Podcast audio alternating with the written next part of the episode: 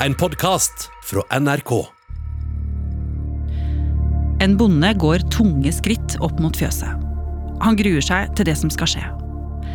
Med seg har han en rådgiver fra Tine Meierier som skal se hvordan det står til med kuene der inne. Og bonden sier til henne her er det noe du helst ikke vil se. Så åpner han en luke. De ser inn i mørket og kjenner en stinkende tung lukt av ammoniakk. Det er vanskelig å puste normalt. Oi, sier rådgiveren. De kommer seg inn, og så segner bonden om og faller i gulvet. Hemmeligheten om tragedien som har skjedd på hans vakt der inne i fjøset, er avslørt. Journalist i Oppdatert, Irina Kjelle, forteller historien om bonden Kåre Skogstad, som er dømt til syv måneders fengsel for grov vanskjøtsel av dyra sine.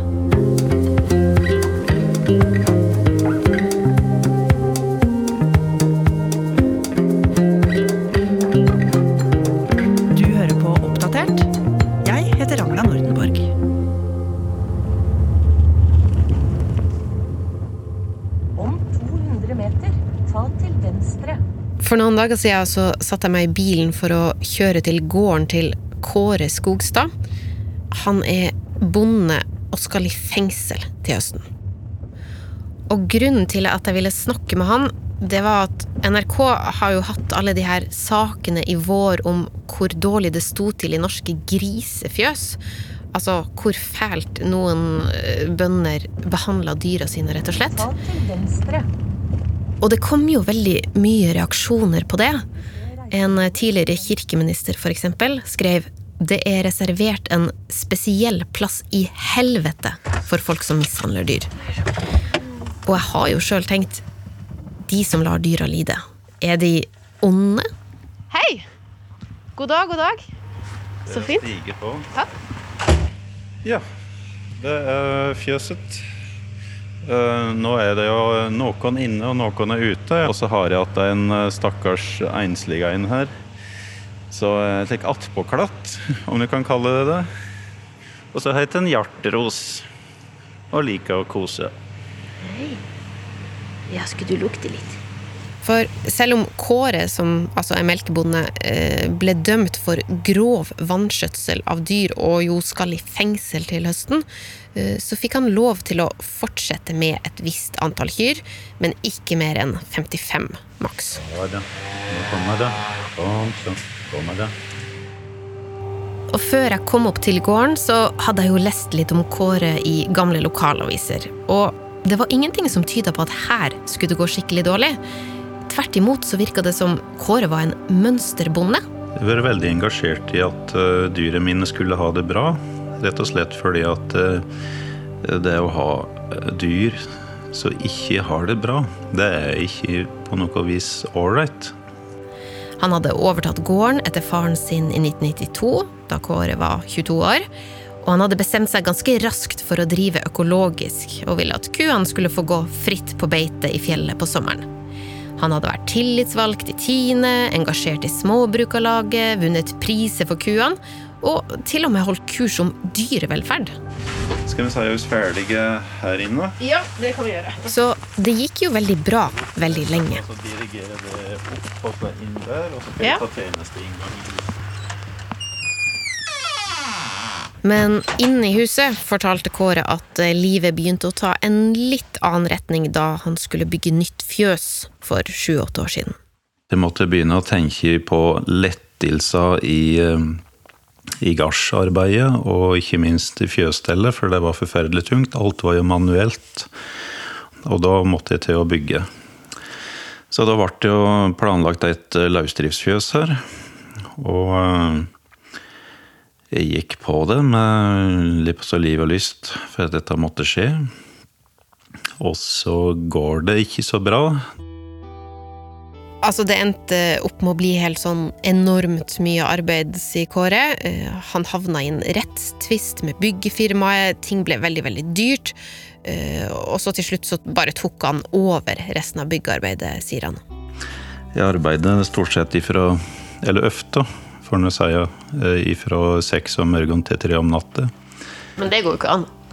Det går an når du har nok adrenalin. Det, det gjør det faktisk. Eh, problemet er at du brenner opp. Etter hvert ble han temmelig nedkjørt. Han var totalt overarbeida, sier han, men etter en stund så bestemte han seg faktisk for å søke hjelp, og begynte å gå til psykolog. Han fikk også avlasting på gården, og familien hjalp masse til. Og kuene, sier han, de hadde det fint. Så Kåre han fortsatte å jobbe. Men så skulle det skje noe som fikk store konsekvenser. På vårparten da i 2016 eh, så skjedde det fatale at jeg brukte krefthuden mine for mye på ei eh, kvige skulle mjølke opp.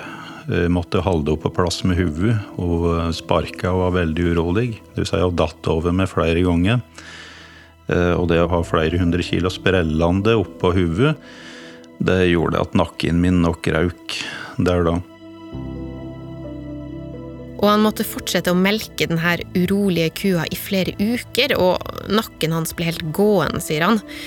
Og etter hvert så begynte han å oppdage at det hadde skjedd noe rart. Han kunne plutselig miste kontakten med beina sine, f.eks. når han var alene ute i fjøset. Kan du huske noen gang at det skjedde? Sånn liksom en spesifikk episode at du, at du datt? Er helt utrolig. Jeg skulle rulle opp en, eh, en lastestropp. Og den bevegelsen der og alt dette gjorde til at jeg bare datt over ende og ble liggende i seks til åtte timer, tror jeg. Uten å kunne røre meg, uten å kunne prate. Jeg kunne ikke ta telefonen, jeg kunne ikke gjøre noe som helst. Det var som blåst. Jeg fikk ikke gjennom signal fra hodet og, og, over til hendene eller føtta eller noe som helst. Jeg bare lå der. Inne i fjøset? Ja, i fjøset.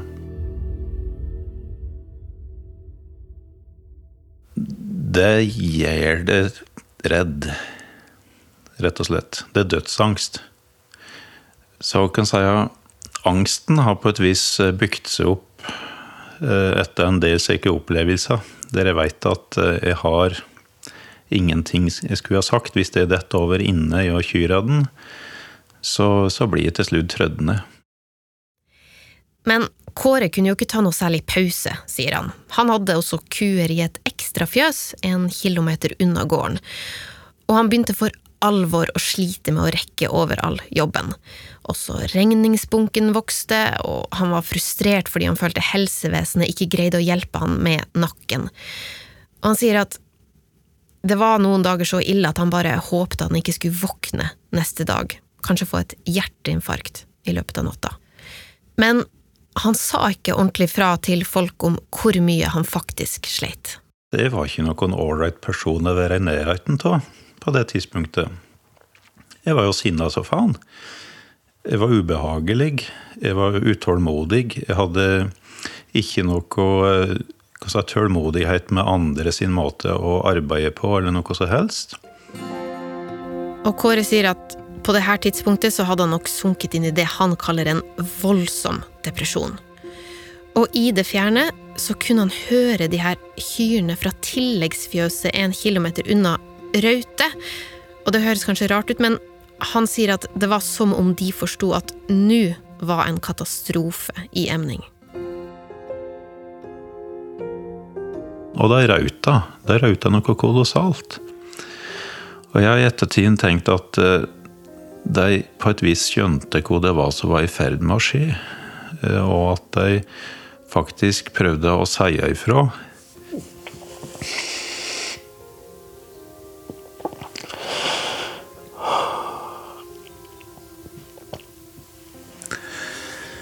Ja. Men jeg prøvde faktisk å si ifra til den eneste som de trodde kunne gjøre noe for dem. Og det ble ikke forstått.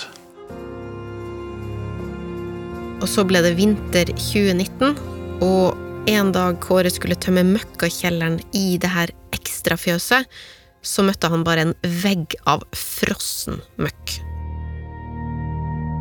Så jeg står med rundballpiggen i møkjaporten der og prøve å pigge med gjennom eh, en halvmeter til en meter med, med tæla møk. Eh, jeg greier det ikke, og hele anstrengelsen blir for mye. Og jeg bakka ut. Jeg sa jo til meg sjøl at eh, ok, jeg skal Jeg greier ikke gjøre stellet fullverdig nå, men jeg skal komme igjen når jeg bare får hvilt meg litt, og føttene er tilbake på plass, slik at jeg greier å gå. Da skal jeg komme, og så skal jeg stelle. Og mens jeg kjører hjem igjen i traktor, så, så, tenker jeg på arbeidsoppgaven som jeg har. Jeg opp hva jeg har å gjøre. Så jeg stopper traktoren, åpner døra, går ut, har att døra, og alle disse tankene sletta ifra hodet på meg. Det eneste jeg tenker på, er å komme meg inn att, ete, sove. Og Kåre han slutta rett og slett å rengjøre i ekstrafjøset. Det eneste han orka, det var å mate kyrne gjennom fòrluka i taket, og han unngikk rett og slett å se dyrene i øynene. Og møkka der inne, den begynte jo da bare å krype oppover beina på kyrne. Men til slutt begynte Kåre å ta noen telefoner for å få hjelp. Til én sa han riktignok bare at han trengte hjelp med litt administrative oppgaver. Men en produksjonsrådgiver fra Tine satte seg i bilen for å komme og se på gården. Men den dagen rakk de ikke å dra til tilleggsfjøset, sier Kåre. Så kyrne de måtte stå i egen møkk i to lange uker til. Og så først kom dagen da rådgiveren skulle komme og se der. Og Kåre forteller at han husker det var juni, sola skinte, gresset var blitt ordentlig grønt og høyt, og i bukselomma så hadde Kåre et brev han sjøl hadde skrevet. Et avskjedsbrev. Og de to, de kjørte opp til fjøset, parkerte bilen og gikk ut. Og Kåre han visste jo at det gikk ikke an å åpne hoveddøra inn dit, for det var så fullt av møkk på innsida. Og jeg sa da at uh, her er det noe som du helst ikke vil se, sa jeg. Ok, hun. Ja. Og så åpna jeg forluka, og hun ser ned og sa oi.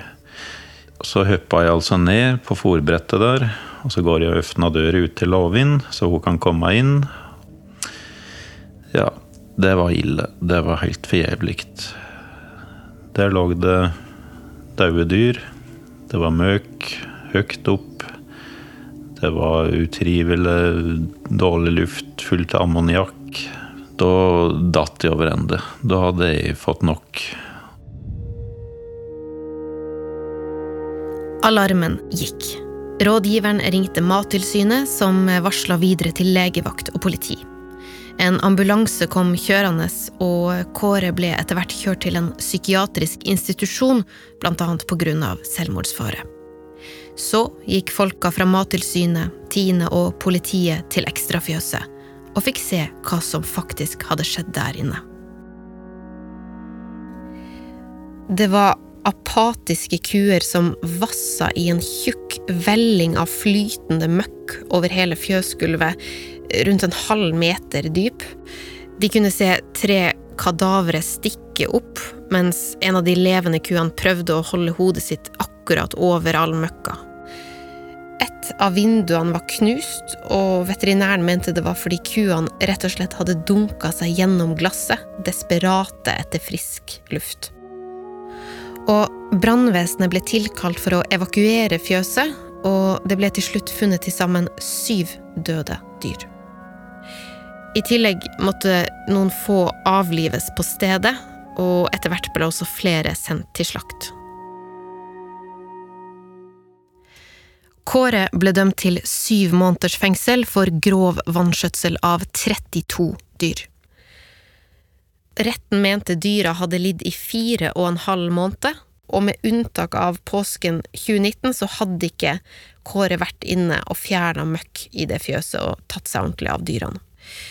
Selv mener Kåre at perioden var noe kortere, om lag tre måneder, men han erkjenner hva som faktisk skjedde der inne i fjøset. Det er vondt, altså. Det er skikkelig vondt å tenke på i etterkant. Så er det hvordan dyret har hatt det, og at den ikke har vært i stand til å, å forhindre det. For det, det, det har jeg virkelig vondt av. Det har jeg. Men det var jo Det var jo egentlig din plikt å sørge for at de ikke kom i den situasjonen i det hele tatt. Forstår du de som kan tenke at han her bør kanskje ikke få drive som bonde? Det forstår jeg absolutt. Og jeg tenkte jo faktisk slik gjør det før. Men noen vil jo kanskje si, eller lure på Ja, men man kan jo bare skjerpe seg og komme seg opp og ut og gjøre det som man må gjøre. Det er helt rettigt, og det har jeg sagt til meg sjøl så mange ganger opp gjennom tida når ting har butta litt imot, at hei, Kåre, det nytter ikke å bare ligge her og synes synd på seg sjøl. Du må faktisk ta et tak og, og gjøre noe med det. Mm. Og det har vært min filosofi, både for meg sjøl og for alle andre. Jeg har ikke vist noe nåde i forhold til andre folk og deres problem. Jeg har støtt meint at eh, folk fikk eh, ta seg sammen og fikse livet sitt og gjøre det beste og få til noe.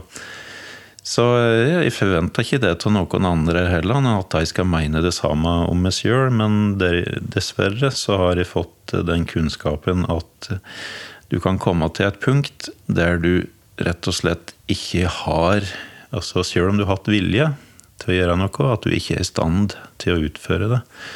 At det er en total blokkering.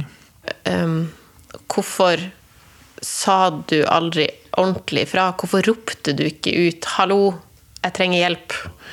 Jeg prøvde å få fatt i hjelp, og jeg greide å til dels spørre litt, men jeg spurte for vekt, og jeg fikk det ikke til å forstå. Og energien til å spørre mer var, var borte. Og slik gikk det. Og det er bare å beklage. Det det jeg har. Jeg har vondt av det. At det ble slik. Og uansett hva man måtte mene om det som har skjedd her, så er det jo selvfølgelig ganske trist, det som har skjedd. Eh, men sånn situasjonen er nå for Kåres del, så sier han at han har det bedre. Og Kåre er jo klar på at det var han som hadde ansvaret. Men han sier at han i ettertid har tenkt en del på at systemet som er rundt bonden, det har blitt mye mindre enn det var før. Altså, mens man før i tida kanskje fikk besøk av Tine en gang i måneden, sier han, så plikter de nå bare å komme en gang i året. Og Kåre mener at når politikerne ønsker seg færre og større gårder, så blir også miljøene rundt bonden mindre. Altså, bonden blir mer alene. Men man må jo selvfølgelig likevel følge loven og behandle dyr bra. Og til høsten så skal Kåre ta sin straff. Men i mellomtida så håper han at denne historien hans kan brukes til å hjelpe andre bønder, altså at sikkerhetsnettet rundt dem styrkes, sånn at noe sånt som det her ikke skal skje igjen. Hvis fortellinger jeg kommer kan eh, føre til noe som er positivt for andre, eller et system, tankegang rundt det hele, så ville det være verdt det. Ellers ikke. Men hva er det du håper at folk skal forstå eller tenke etter å ha hørt deg fortelle? det?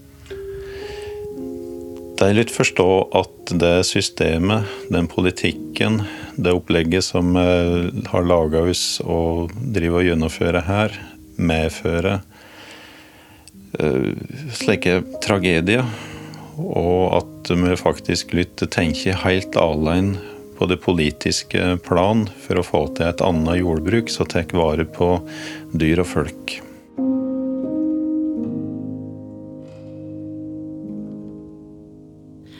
Og det var min kollega Irina Kjelle som hadde vært og møtt bonden Kåre Skogstad. Og vi har snakka med Mattilsynet og Tine Meierier. De sier de har hatt god dialog med Kåre etter dommen, og har laget planer med han for hvordan ting skal fungere på gården. Og Tine Meierier de sier at eh, ja, de hadde flere folk rundt på gårdene før, men de mener at rapporteringa er langt bedre i dag. Med både selvrapportering fra bonden og automatisk rapportering. Og de sier at akkurat denne saken var vanskelig å avdekke fordi tragedien skjedde i ekstrafjøset. Men de vil gjerne følge opp Kåres ønske om å dele historien med andre bønder i Tine, og at det kan ligge mye læring i den for mange. Og lurer du på hvordan det skal gå med dyra til Kåre nå som han skal i fengsel, så kan vi fortelle at han er i gang med å lage en plan med naboer og avløsere som skal hjelpe til med dyra når han er borte.